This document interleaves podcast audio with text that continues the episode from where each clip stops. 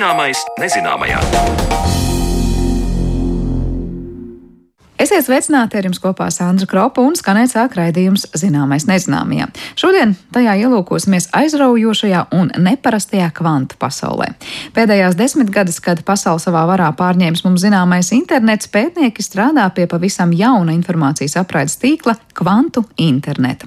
Tā darbības pamati balstās neparastā un ar klasiskās fizikas likumiem neizskaidrojamā sistēmā, taču jau šobrīd zināms, ka šāds kvantu tīkls būs tehnoloģiju apvērsums. Kādi cietie rieksti jāatkož pētniekiem, lai kvantu tīkls varētu darboties un ar ko tas atšķirsies no ierastā interneta. Par to jau pavisam drīz runāsim ar Vjačeslavu Karšķēju šeit studijā. Bet pirms tam uzzināsim, kas ir metavers. Paralēla pasaule, kurā līdzīgi kā mūsu esošajā fiziskajā pasaulē, mēs strādājam, atpūšamies un piedzīvojam to, ko nespējam piedzīvot esošajā realitātē. Šādu virtuālo pasauli, kur apvienota virtuālā un papildinātā realitāte ir interneta sniegtajām iespējām sauc metavers, un tas šobrīd ir silīcija ielais karstais jautājums, kas sola kādu dienu kļūt par visaptverošu cilvēces saziņas tīklu. Par to vairāk interesējās mana kolēģe Zana Lāca.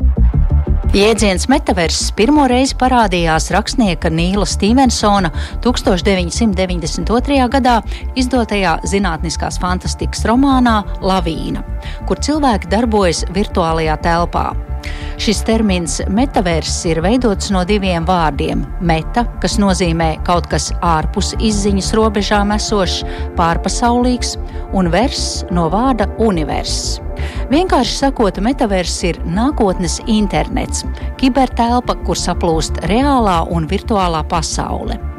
Kā šajā vidē izskatās, un vai tā ir tikai jauna virtuālo spēļu platforma vai kaut kas nopietnāks, to attālināti ierakstītā intervijā vaicāju informācijas tehnoloģiju ekspertam Reinim Zitmanim principā mēs runājam par paralēlo pasauli vai paralēlo realitāti. Cilvēki, kas varbūt ir vīlušies esošajā pasaulē un vēlas līdzīgi kā spēlējot datorspēles, varbūt mazliet ātrāk veidot virtuālā vidē savu kaut kādu bagātību, vai meklēt kaut kādus piedzīvojumus, vai meklēt kaut kādus virtuālus draugus. Mēs esam pieraduši, ka cilvēki datorspēlēs tur kaut ko dara un dikti spēlē un krāj punktus un naudas un tā tālāk. Tad metavers ir topošā paralēlā pasaule kā izteiciens, kā realitātes kopums, kurā tad cilvēkam ir paralēlā identitāte, un kurā viņš līdzīgi kā datorspēlē dzīvo, strādā, darbojas, izklaidējas vai, nezinu, cīnās, karo, sporto, ko nu cilvēki tur grib darīt. Pilnīgi paralēlā pasaulē. Un es pieņemu, ka mēs ar jums mūsu dzīves laikā jau piedzīvosim cilvēkus, kuri teiks, ka tur ir foršāk. Ka tā ir viņa pasaule, ka šī pasaule, kurā mēs ar jums staigājam kājām un elpojam gaisu, nu, jā, ka tas viss ir forši, bet tur ir foršāk un interesantāk. Reini, bet ar ko tas atšķiras no cilvēka izveidot profilu šodien sociālajos tīklos, Facebookā, Twitterī un tam līdzīgi? Atšķirība īsti nav. Tava identitāte sociālajā tīklā ir tava identitāte sociālajā tīklā. Viņu raksturo bildīte, viņu raksturo tur kaut kāds sekotāju skaits, viņu raksturo varbūt tās kaut kādu postu vai tvītu skaits vai, vai laiku skaits un tā tālāk. Ja? Tas ir tu. Tas ir tavs sociālā tīkla profils. Virtuālajā pasaulē, kura vēl tikai būs, mēs nerunājam par to kā par kaut ko, kas šodien jau ir un viņš ir gatavs. Nē, viņš top, Arī tur tev būs sava identitāte, arī tur tev būs savs digitālais maciņš, tavs profils, tavi sasniegumi, tavi virtuālie draugi un vispārējais līdzīgi kā tavam profilam sociālajos tīklos. Ja jau šobrīd cilvēki var uzlikt speciālas brilles, ar kuru palīdzību mēs varam lidot, ienirt okeāna dzelzmē vai nonākt jebkurā vietā pasaulē, tad jautājums ir, kāds tad būs tas aprīkojums, lai ieietu metaversu pasaulē? Pie metavers ļoti daudzi uzņēmumi, gan datorspēļu uzņēmumi, gan sociālie tīkli, virtuālās realitātes, dažādi uzņēmumi un tehnoloģijas šobrīd strādā, lai radītu šo tehnoloģiju kā tādu, kas apvienotu īstu virtuālo realitāti, ja pilnīgi citu virtuālo pasauli ar tām tehnoloģijām, ko mēs šodien saucam par augmentēto realitāti, kad īstajai pasaulē caur brillēm, vai caur kameru, vai caur telefonu ekrānu tiek uzlikts virsū nēsošs slānis, kuru tu nevari redzēt īstajā pasaulē, bet kuru tu redzi tikai datorpasaulē. Ļoti spilgts piemērs augmentētās realitātes papildinātai pasaulē ir Pokemonu spēle. Tāpēc, ka caur telefona ekrānu tu redzi dzīvā vidē, uz ceļa, zālē, tu redzi kaut kādu Pokemonu, kuram tu vari apiet riņķī, kuru tu vari kaut kādā veidā, tur, nezinu, ar viņu kauties vai, vai paņemt viņu vai, vai bumbiņu mest viņam virsū, bet tu saproti, ka īstajā zālājā viņa nav. Viņš ir tavā telefona ekrānā. Tad jautājums ir, vai metavers būs kā jauna virtuālo spēļu platforma, vai arī tur notiks nopietni darījumi šajā vidē? Es gribētu teikt, ka lielai cilvēku daļai, protams, tā būs izklaide. Bet mēs esam dzirdējuši nopietnus argumentus un pat tik drosmīgus apgalvojumus, ka tas ir rītdienas internets, ka tā ir rītdienas norma un nākotne. Droši vien, ka liela daļa no mums, Latvijas iedzīvotājiem, mēs nevaram teikt, ka mēs dzīvotu internetā. Jā, viņš tur ir, mēs tur ieejam iekšā, veicam pakalpojumus un tā, bet viennozīmīgi internets ir mainījis veidu, kā mēs strādājam. Pateicoties internetam, ļoti daudz cilvēku arī pandēmijas laikā strādāja mājās e-pakalpojumus, nodokļus, internetbanku un tā tālāk. Mēs nevaram noliekt, ka tā ir mūsu šīs dienas ikdiena. Vai tas mūs kā cilvēkus ir mainījis vai pārvērtis, vai tāpēc mēs tagad dzīvojam krietni savādāk, esam citādāki, vai, vai mēs varētu apgalvot, ka mēs tagad dzīvojam internetā, vai mēs tagad dzīvojam internetu laikmetā? Jā, droši vien mēs dzīvojam internetu laikmetā, bet vai mēs kā cilvēki, vai internets tev ir izklaide vai kaut kas nopietns? Nu, tādā brīdī, kad es eju internetbankā un, un skaitu kaut kādus savus rēķinus prom, vai es eju kaut kādā valsts ieņēmuma dienesta EDS sistēmā un, un, un kārtoju savus nodokļu lietas, vai es vēl kaut ko daru, vai es strādāju, sūtu e-pastus. Jā, tas ir darbs, tā nav nekāda izklaide. Tas ir šodienas mūsdienu instruments.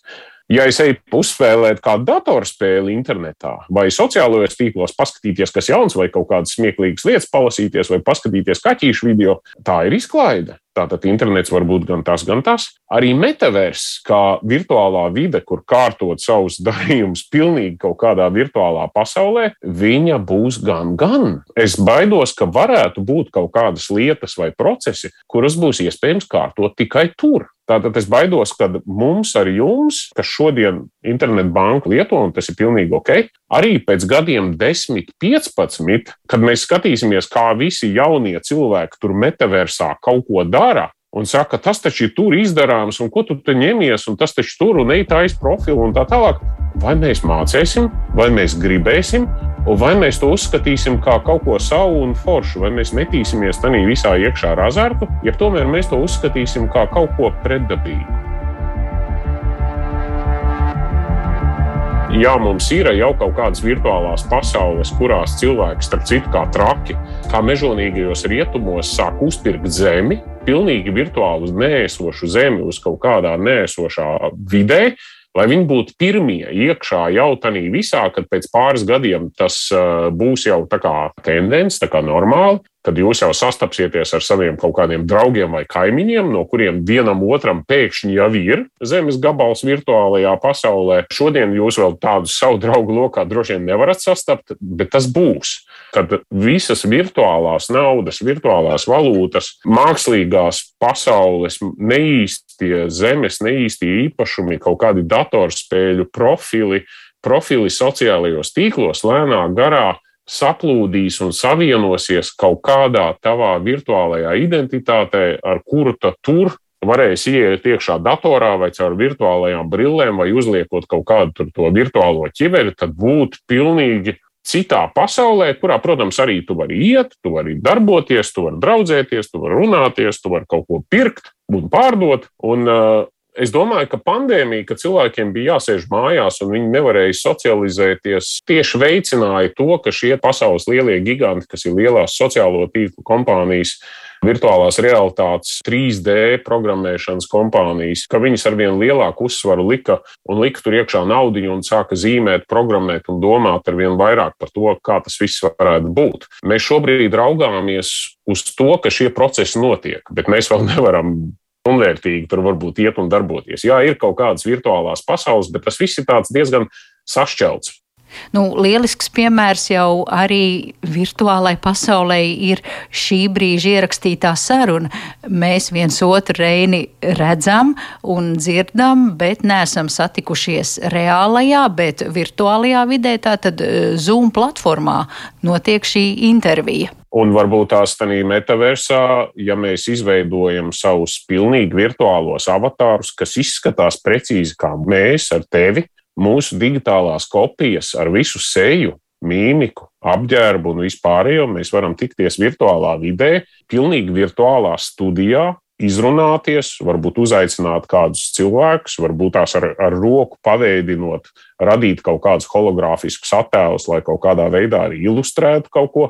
Un tādā veidā citiem skatītājiem, kas šajā virtuālajā vidē, nevis rādio, nevis internetā, bet nosacīt runājot ar ķiveri un austiņām vai ar brillēm un austiņām galvā, skatās turpatās kā skatītāji, bez mazliet esot blakus mūsu saruna. Tā ir rītdienas realitāte. Metaversa pasaule skan ļoti vilinoši, un līdz ar to ir bažas, cik ļoti cilvēki gribēs dzīvot reālajā pasaulē, reālajā vidē, ja līdzās būs tāds kārdinājums, kas ir daudz krāsaināks, interesantāks un aizraujošāks nekā reālā pasaule ar visām mūsu ikdienas problēmām. Jā, Tas, tas varētu būt ļoti iesaistoši, jo šie vizuālie un audio kairinājumi, es domāju, ka būs krietni intensīvāki nekā mēs redzam reālajā pasaulē. Notikuma gaita būs krietni intensīvāka. Protams, ka tur būs forši. Jā. Savādāk tas nebūs kā ēdams produkts. Ar to nevarēs lielās pasaules kompānijas pelnīt naudu, ja tas nebūs forši. Protams, ka tas būs forši. Mēs droši zinām, ka tas būs forši. Bet, ja mēs tagad apskatāmies uz savām ģimenēm un uz to, kā mēs pavadām brīvo laiku kā ģimene, vai mēs atļaujam, ka pie pusdienu galda katrs sēž savā telefonā vai vakarā, viss sēž uz dīvāna, kaut ko kopā dara, vai skatās televizoru, vai varbūt spēlē kādu spēli, vai sarunājas, vai tomēr katrs savā kaktā sēž savā mobilajā telefonā, tad man gan tevi jāsaka, ka es domāju, ka mēs absolūti neesam tālu, ka mēs jau tur esam. Skaidrs, ka šī jaunā virtuālā realitāte ienāks mūsu dzīvē. Jautājums ir tikai, cik viegli vai grūti cilvēkiem būs redzēt robežu. Bet vismaz tik ilgi, kamēr mūs mocīs izsalkums, sāpēs vēders un būs ilgas pēc glāstiem, apskāvieniem un smaržām, tikām vēl reālā pasaule dominē pār virtuālo vidi. Par virtuālās realitātes radīto metaversu Zanē Lācei stāstīja IT speciālists Reinis Zītmanis. Bet redzījuma turpinājumā pievēršamies kvantu internetam un tā sniegtajām iespējām.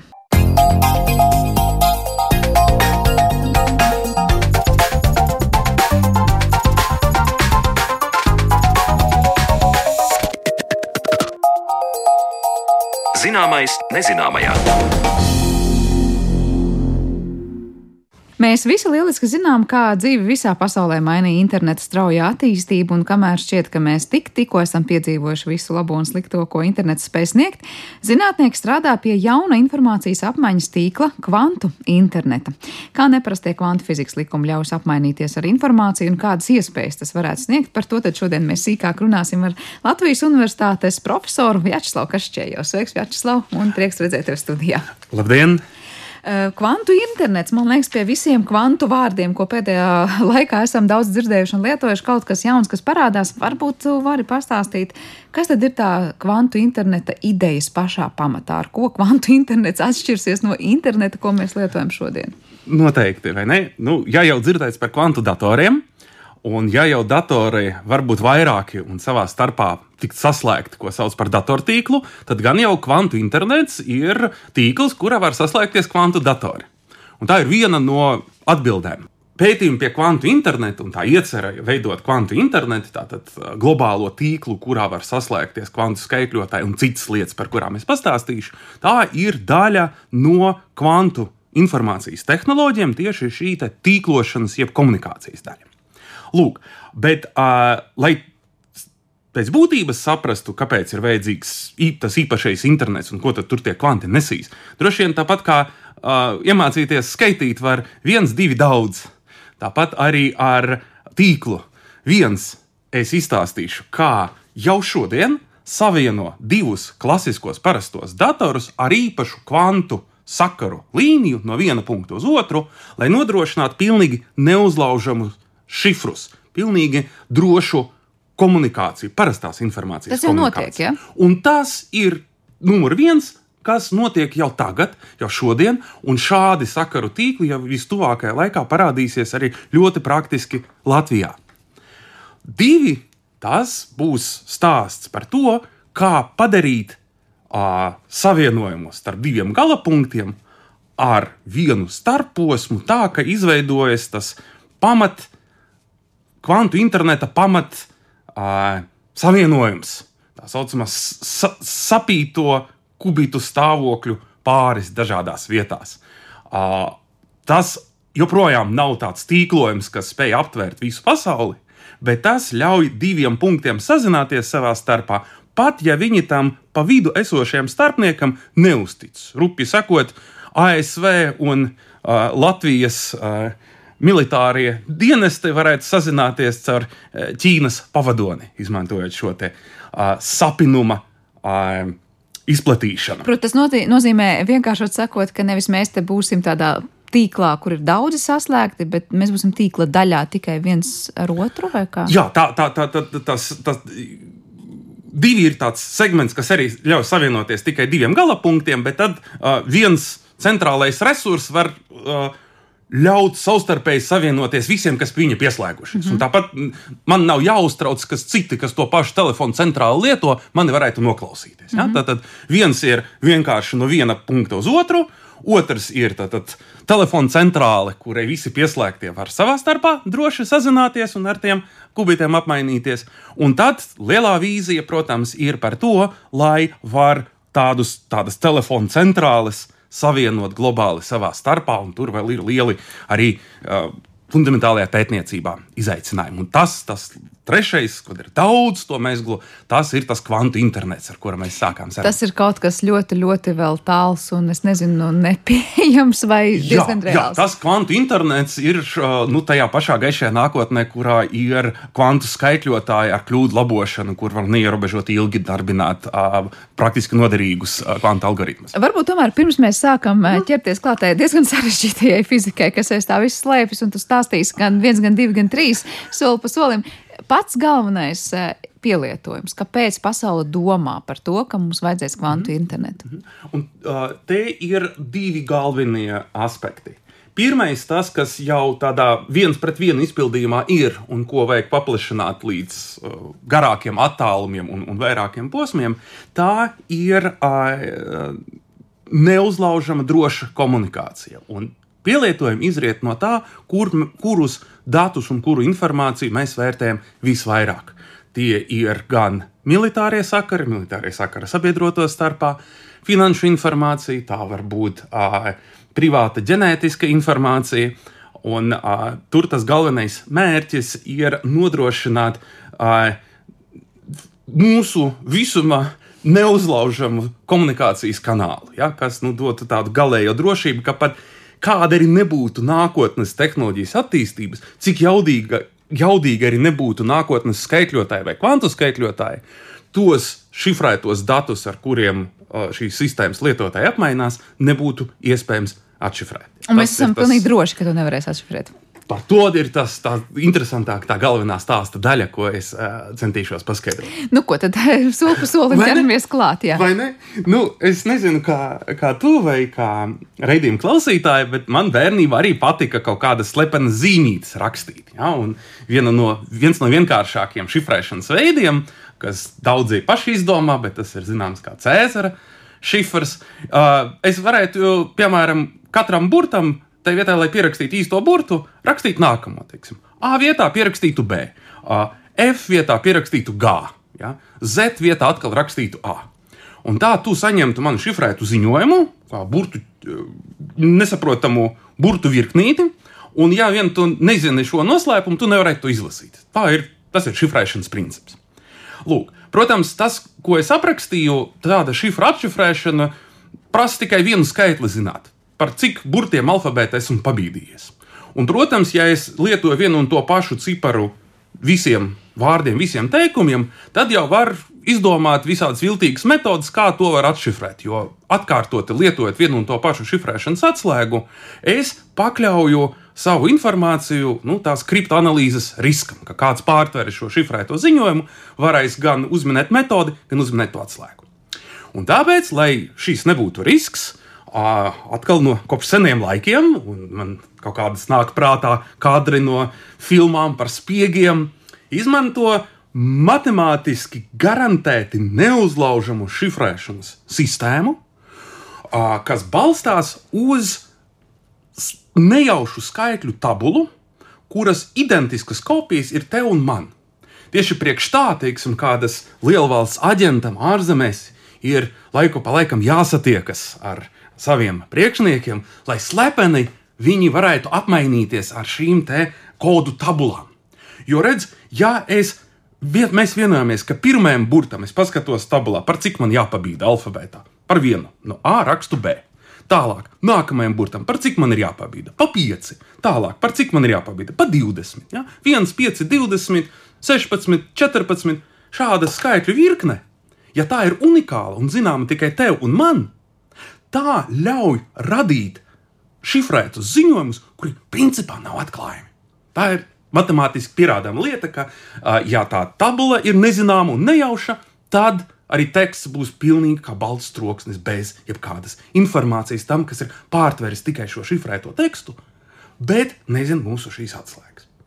Nu, lūk, matemātiski varbūt metode ļoti droša, bet fiziski mums ar tevi satikties un apmainīties ar šo slepeno informāciju var būt apgrūtinoši vai neiespējami. Un tad lūk, šī te, uh, pirmais solis kvantu tīklošanas tehnoloģijās, tā saucamā kvantu atslēgu ģenerācija, tā ļauj mums ar tevi nesatiekoties, nonākt pie tā, ka manā ierīcē, manā šifrēšanas ierīcē un tavā šifrēšanas ierīcē izveidojas nejaušu skaitļu virkne, kura mums abiem ir vienāda un kuru neviens nezina. To uzģenerē fizikas likumi. Bet to uzģenerē jau šobrīd. Jā. Piemēram, WhatsApp ziņojums, kad es sūtīšu tev ziņu, jau būs tādā veidā sakodēts. Tas par sevi princips, ka uh, saziņai jābūt šifrētai. Uh, protams, ir tiek pielietots jau šodienas tehnoloģijās. Droši vien daudzi ir arī sekojoši tam, ka mēs negribam, lai valdība mūs noklausās, jā, vai es drīkstu lietot Amerikas programmas un Amerikas serverus. Jā, drīkstu, jā, es varu būt drošs, ka manu šifrēto tekstu uh, nav iespējams atklāt. Bet to šifrē mans telefons vai kurš? Kas, uh, kura to, ierīce? To, to uh, eventuāli tajā sistēmā šifrē, šifrē mans telefons pirms sūtīt tev. Un tur arī izšķiroša ir šī kopīgā tikai tev un, un, un man, mūsu diviem, divām galā ierīcēm, uh, pieejamā kopīgā atslēga.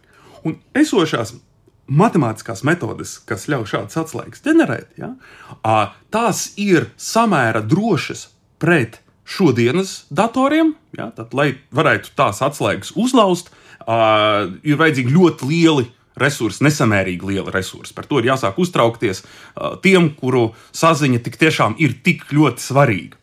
Uh, bet uh, tas nāk ar nosacījumiem, pirmkārt, ka netiks izdomāti vēl efektīvāki veidi, ja, un nav iespējams, nu, nu, tā nav matemātiski neatlaužama uh, šifrēšana principā. Ja.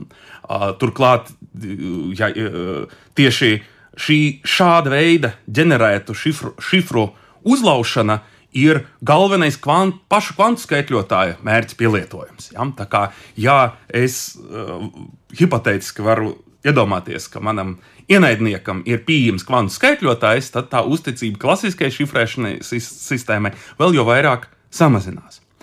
Un tas kvantu tīklošanas risinājums ir šo te uh, nejaušo skaitļu ģenerēšanai izmantot kvantu fizikas likumu nenoteiktību, tas dod to nejaušības avotu, un uh, kvanti tur parādās tāpēc, ka tā informācija tiek nodota no viena gala uz otru mazākās iespējamās porcijās. Līdz ar to, ja to pārtvers pa vidu ļaunais hakeris, viņš nespēs precīzi tādu pašu atkārtot. Tā kvanta informācija ir trausla. Viņu, uh, viņa noder tikai gala saņēmējiem. Bet tās mazākās porcijas tas nozīmē, ko, ka sūtīts tiek pilnīgi pretēji tiem jā, principiem, jā, jā, notiek. kvantu atslēgu ģenerēšanā ir nepieciešams, lai mēs ar tevi tik tiešām varam apmainīties ar individuālajām kvantu daļiņām. Un praksē tās ļoti praktiski tālu ceļojošas, savas kvantu īpašības saglabājošas daļiņas ir vienkārši gaismas daļiņas, jeb fotoni. Un par tādu uh, daļiņas plūsmas avotu kalpo uh, ļoti novājināts vienkāršais lāzeris. Tad ir vajadzīga starp mums uh, praktiskajās ierīcēs. mm, To varētu uz galda nodemonstrēt. Tādas, tādas ierīces eksistē, viņas um, uh, lieto, un tā ir tāda praktiska inženieriska lieta. Mūsu Latvijas Universitātes Matemātikas Informātikas institūtā ir tāda eksperimentāla ierīce. Un tā prasa tātad tumšo šķiedru, to, kurā ir šī ļoti vāja gaismas daļiņu plūsma, kura īpašā veidā tiek modulēta tā, lai tavā galā atmodulējot, rodas šī nejaušo skaitļu virkne, kura ir saistīta ar maniem nejaušiem. Kas notiks tajā brīdī, kad tas vairs nebūs stāsts par galda diviem galiem, kurā tas lāzers ir un tas tiek sūtīts? Kas notiks, ja tu būsi Amerikā un es Eiropā? Nu, tad nu dienu mums vajadzēs kvantu internetu. Ja? Jo šīs tehnoloģijas šodienas reāli, praktiski realizētas, standartizētas jau daļēji tehnoloģijas galvenais ierobežojums ir, cik garā attālumā tā kvantu daļiņa var aizlidot, pa ceļam nepazūdot. Ja?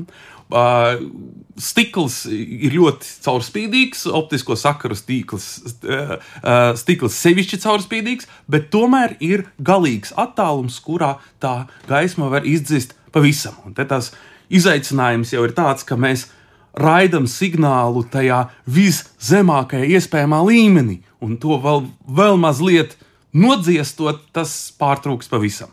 Uh, maksimālais attālums, ko ļauj uh, gaismas daļiņu izplatīšana uh, optiskajā šķiedrā paveikt, nu, mērams, desmitiem kilometru. Varbūt ideālos apstākļos tur pāri simtam. Tur atkal uh, inženieri un pētnieki sacenšas, kuram pieder tas rekords. Tātad jāmeklē citi risinājumi. Uh, Pirms mēs sākam vairākus posmus vienot kopā, kā vēl mēs varam apmainīties ar gaismu.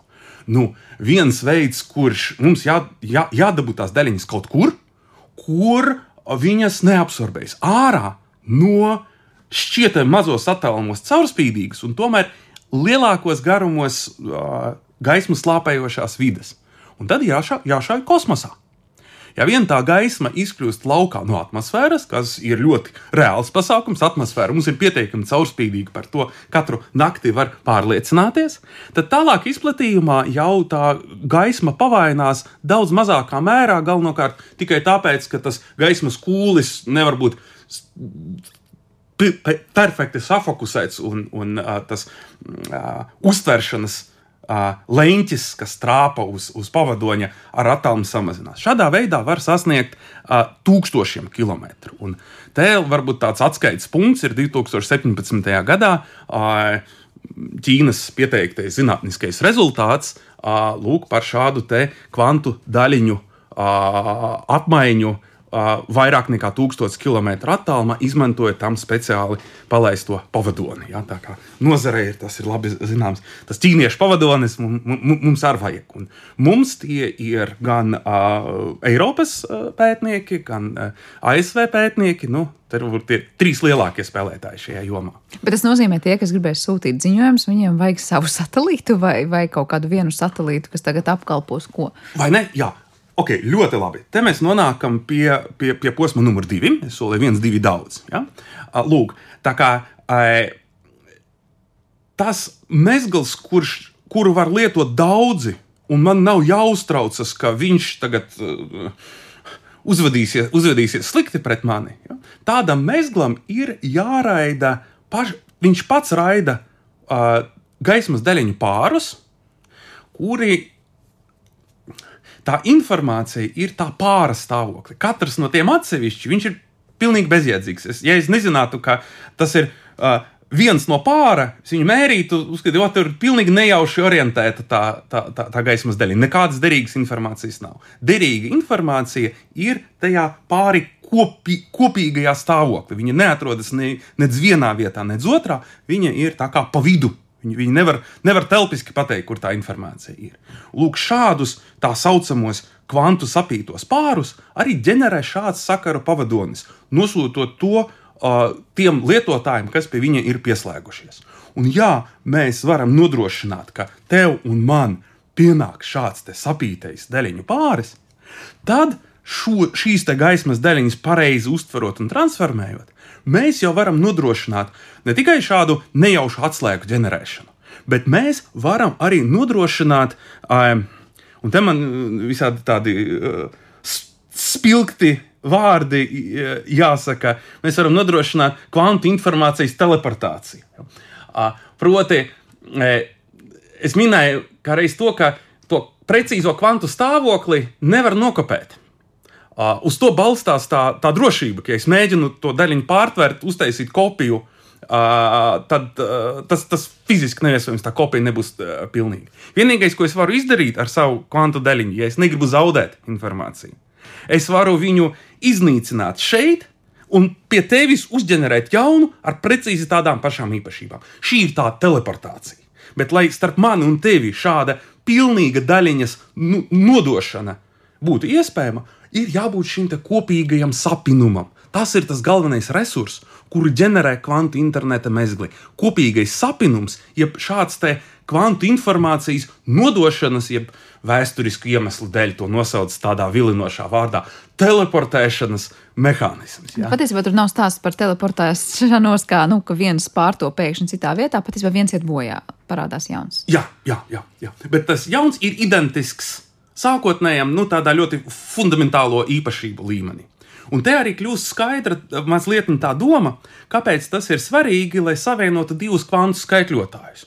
Jo uh, it kā diviem parastiem skaitļotājiem nav šī, šīs problēmas, šī ierobežojuma, kas var vienkārši nokopēt no datora atmiņas, pārnest, pārkopēt visus tos bitus uz manām tur informācijas nesēju, daļiņas vai, vai mazas zīmītes, ko mani zaldāti pārnes. Ja? Un otrā galā atkal no tām zīmītēm vai no tām daļiņām pārnest atmiņā. Tur vispār nerodas īpašs izaicinājums.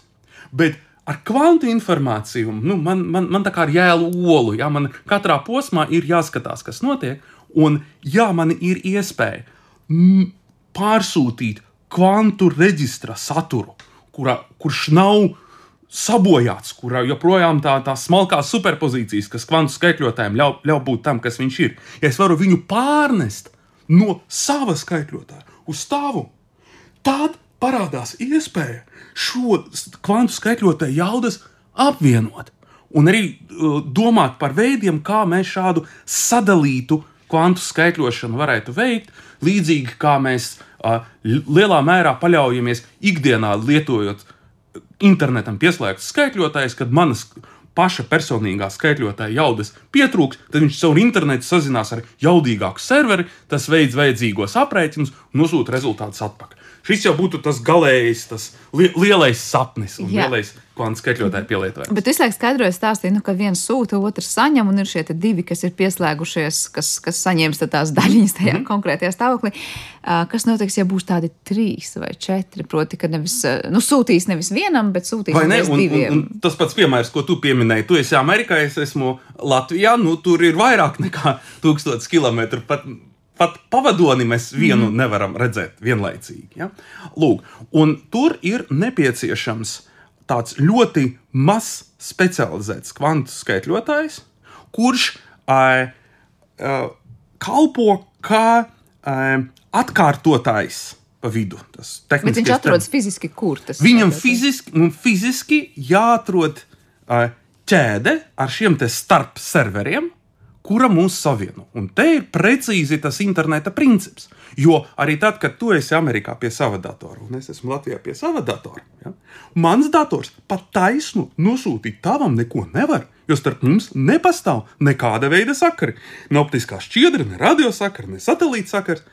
Es atrodu sev tiešā tūmā pieejamos skaitļotājus. Praktiski dzīvoklī tā ir tā, tas vats vai tā šķiedra, kas aiziet jau līdz internetu piegādātāja serverim.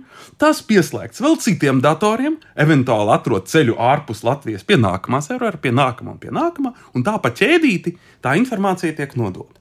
Tikai kvantu atkārtotāju, kvantu maršrutizētāju gadījumā ir nepieciešams nodrošināt šo te teleportāciju katrā no savienojuma punktiem. Tā kvantu informācija ir jāieraksta kvantu atmiņā, un tad, tad atkal jāpārraida. Ja? Tā kā šāda schēma ne, neizjauc tas, tas tiešās no viena punkta uz otru kvantu kriptogrāfijas drošību. Bet tā ļauj nodibināt šo kvantu sakaru kanālu pa vairākiem posmiem. Bet vai ir iespējams, ka tagad, nu labi, to nevar uzlauzt, kā saka hakeris, un uh, atkodēt to, to atslēgu, bet ja pārtver kaut kur tajās, kas, kas kopēts, teica pa vidu, tur var kāds uh, kaut ko nelegāli nokopēt un, kā saka, piegādāt Nē. citam? Nē, uh, ja, ja tas notiek, tad mēs ar tevi automātiski zināsim, ka kaut kas pa vidu ir izjūts. Un tā ir tā galvenā tā, tā fizikālā uh, garantija uh, neuzlaužamībai. Ja? Prot, proti, ja uh, to, to, to fundamentālo teorēmu, ka nokopēt lat, uh, kvantu informāciju nav iespējams. Viņa visu laiku tiek pārnesta, bet ja vienā vietā parādās, vecajā vietā pazūd. Ja? Viņa mm. vienmēr, vienmēr ir tā unikālā kopija. Un ja ar to unikālo kopiju pa vidam kaut kas nojūg, ja? uh, tad gan sūtītājs, gan saņēmējs, saņēmējs viņi varēs to detektēt. Tad parādī, viņa datos parādīsies anomālijas. Tad nav iespējams situācija, ja kāds tur saka, nozog to pa vidu, ka tā kopija turpinās dzīvot savu dzīvi. Gan nav kopija, tevis... nav, kopijas nav. Mm -hmm. Nav kopijas. Kvantu informācija nav iespējama kopija. Viņu iespējams tikai pārnest. Viņu nav iespējams nokopēt. Ja? Un, un, un nokopējot daļa no tās sabojājas, un to bojājumu var detektēt. Šis, un šis uh, sakņojas pašos fizikas likumos. Tāpēc arī nu, runājot par šo kvantu drošu komunikāciju, runā, ka ja a, matemātika var mums pierādīt, ka ziņojums būs neatšifrējams, ja izpildās noteikti nosacījumi, tad kvantu fizikas likumi ļauj izpildīt tos nosacījumus tādā veidā, ka ne ar kādu fizikālu ierīci nav iespējams to saprast. Kas būs tās ierīces, ar kurām tādu ziņojumus varēs sūtīt? Nu, ja šobrīd mēs runājam, ka tas ir telefons, dators, ar kuru mēs varam nosūtīt vienalga piesaukt to WhatsApp ziņu, ja mēs sāksim lietot kvantu internetu, kas būs tās ierīces, kurās tā informācija ceļos? E e eventuāli tā vai citādi tas gala interfejs ir ar parasto datoru. Jā? Arī, arī tagad tai uh, kvantu atslēgu sadalīšanai, kas ir tā, tā vienkāršākā uh, kvantu tīklošanas versija, tas vienkārši ir lielāka vai mazāka izmēra rūteris, ja, kurā es iesprāžu uh, divus uh, vadus. Viens vārds uh, parastais, pa kuru iestā aizšifrētā informācija, un otrs vārds ir uh, optiskās šķiedras vārds, uh, tur jāizpildās noteiktiem nosacījumiem, kas ir paredzēts šīs kvantu daļiņu apmaiņai un tam, lai vienkārši būtu visu laiku zaļā gaisma. Tādā ziņā tas ir no gala lietotāja šie smalkumi, kas nodrošina uh, informācijas drošību, ja, tie lielā mērā ir paslēpti. Ja? Un, un, uh... Kas būs tie ziņojumi, kurus šādā veidā sūtīsim? Nu, tie būs tie militārie un finansu, vai var teikt, jebkurš savu nezinu, bildi vai ziņojumu arī sūtīs, izmantojot kvantu internetu? Jā, nu, nu, tur uh, noteikti eventuāli brīvajam tirgum būs jānosaka. Ja? Un arī uh, nu, veidi. Ka, ka, par kādas informācijas uh, nogādāšanu, uh, cik drošā mērā cilvēki ir gatavi maksāt, tas ir tāds uh, jautājums, kurš attīstīsies parādoties piedāvājumā praktiskiem pielietojumam. Tas arī nav zinātniskā fantastika, kvantu atslēgu ģenerēšanas pirmais tīkls Latvijā tiks veidots pavisam drīz. Tā ir arī daļa no uh, Eiropas Savienības, tādas Savienības valstu uh, iniciatīvas, iniciatīvas, kurai Latvija ir pievienojusies, lai katra valsts mācītos šādus kvantu drošus sakarus veidot. Un, un tie pirmie pieslēguma punkti šobrīd tiek plānoti pētnieku galā un, un studentu apmācības galā. Tāda būs gan uh, manas jau minētajā Latvijas Universitātes Matemātikas Informātikas institūtā, gan Rīgas Tehniskās Universitātes elektronikas un telekomunikācijas uh, fakultātē, uh, lai ļoti praktiski mūsu topošie tīklu inženieri var apgūt arī kvantu drošības pamatus. Ja? Šeit vēl, varbūt, uh, runājot par tiem pielietojumiem, ir, uh, es minēju divus. Viens ir prakt, tad, principiāli neuzlaužāma apmaiņa ar, ar klasisko informāciju, kas var būt jebkas, un kas tur tieši galā sanāks, to, to laiks rādīs. Otrs ir uh, kvantu skaitļotāju jaudas apvienošana vienā, tad, kad mēs būsim iemācījušies šos kvantu bitus pārnest, bet savienot var arī uh, kvantu sensorus, jeb uh, ļoti smalku lietu detektorus vai mērītājus, kas ļautu taisīt bezprecedenta precīzus pulksteņus, sinhronizēt pulksteņus, jo, jo tie eventuāli precīzākie atomu pulksteņi un optiskie pulksteņi, viņi ir kvantu ierīces, uh, kuru precizitāte pieaug uh, strauji, ja vairākus uh, var savienot kopā. Un otrs tāds varbūt negaidīts arī uh, pielietojums, kas interesē tieši uh, fundamentālos pētniekus, pirmkārt, primāri astrofiziķus, ir potenciāla iespēja uh, apvienot teleskopu jaudas. Arī teleskops, pat sākot ar Galileja laika, ar pirmiem teleskopiem, fundamentāli ir ierīce, kas izmanto gaismas kvantu īpašības, ļaujot to safokusēt. Un jo lielāks ir spoguļa diametrs teleskopam, jo smalkāks uh, lietas var izšķirt, jo, jo mazāku, uh, uh, maz, jā. mazāk objektu. Uh, tas attiecības starp uh, spoguļa diametru un viļņa garumu nosaka to labāko izšķirtspēju, ja, labākās detaļas, kuras var saskatīt.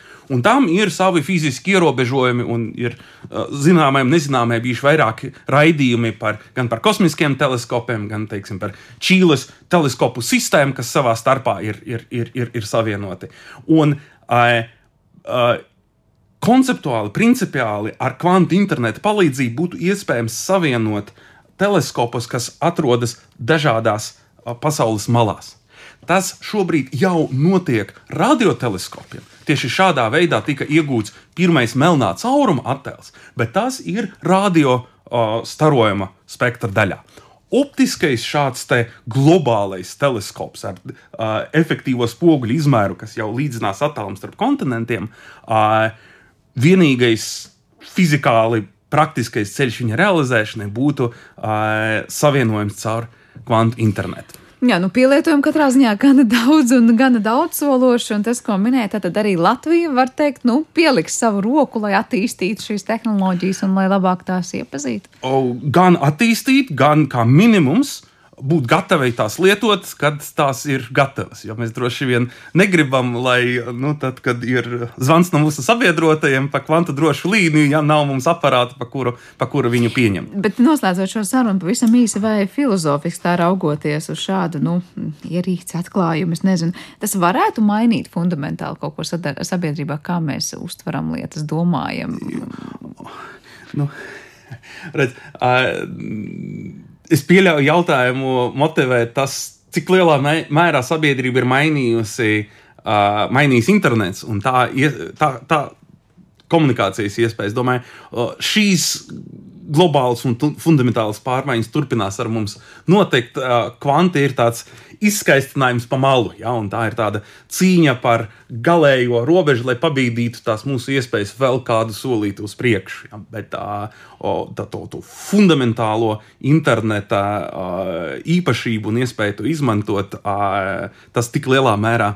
Tā revolūcija jau ir notikusi. Tad, kad jā, jā, mēs sākām jā, jā. izmantot internetu, šis ir tikai tāds, teikt, nu, nu, labāka tā, versija. Tā, tā, tā filozofiski, ja Uh, internets ir atsedzis, cik reizēm kritiska ir informācijas drošība. Ja? Un šīs ir nu, tāds galēji, galējā atbilde uh, tam, lai padarītu informācijas apmaiņu drošu. Jā, nu, paldies tev par šo sarunu un mēģinājumu skaidrot šīs sarežģītās lietas vienkāršā valodā. Dzirdējām Latvijas Universitātes profesoru fiziķu Vjačeslavu Kašķēju šajā mūsu studijā. Par šo raidījumu parūpējās producenta Paula Gulbinska un mūzikas redaktors šai stundai bija Girds Bišs. Savukārt skaņu režijā bija Kristīna Dēle. Ar jums kopā studijā es Sandra Kropa un mēs tiekamies jau atkal rīt.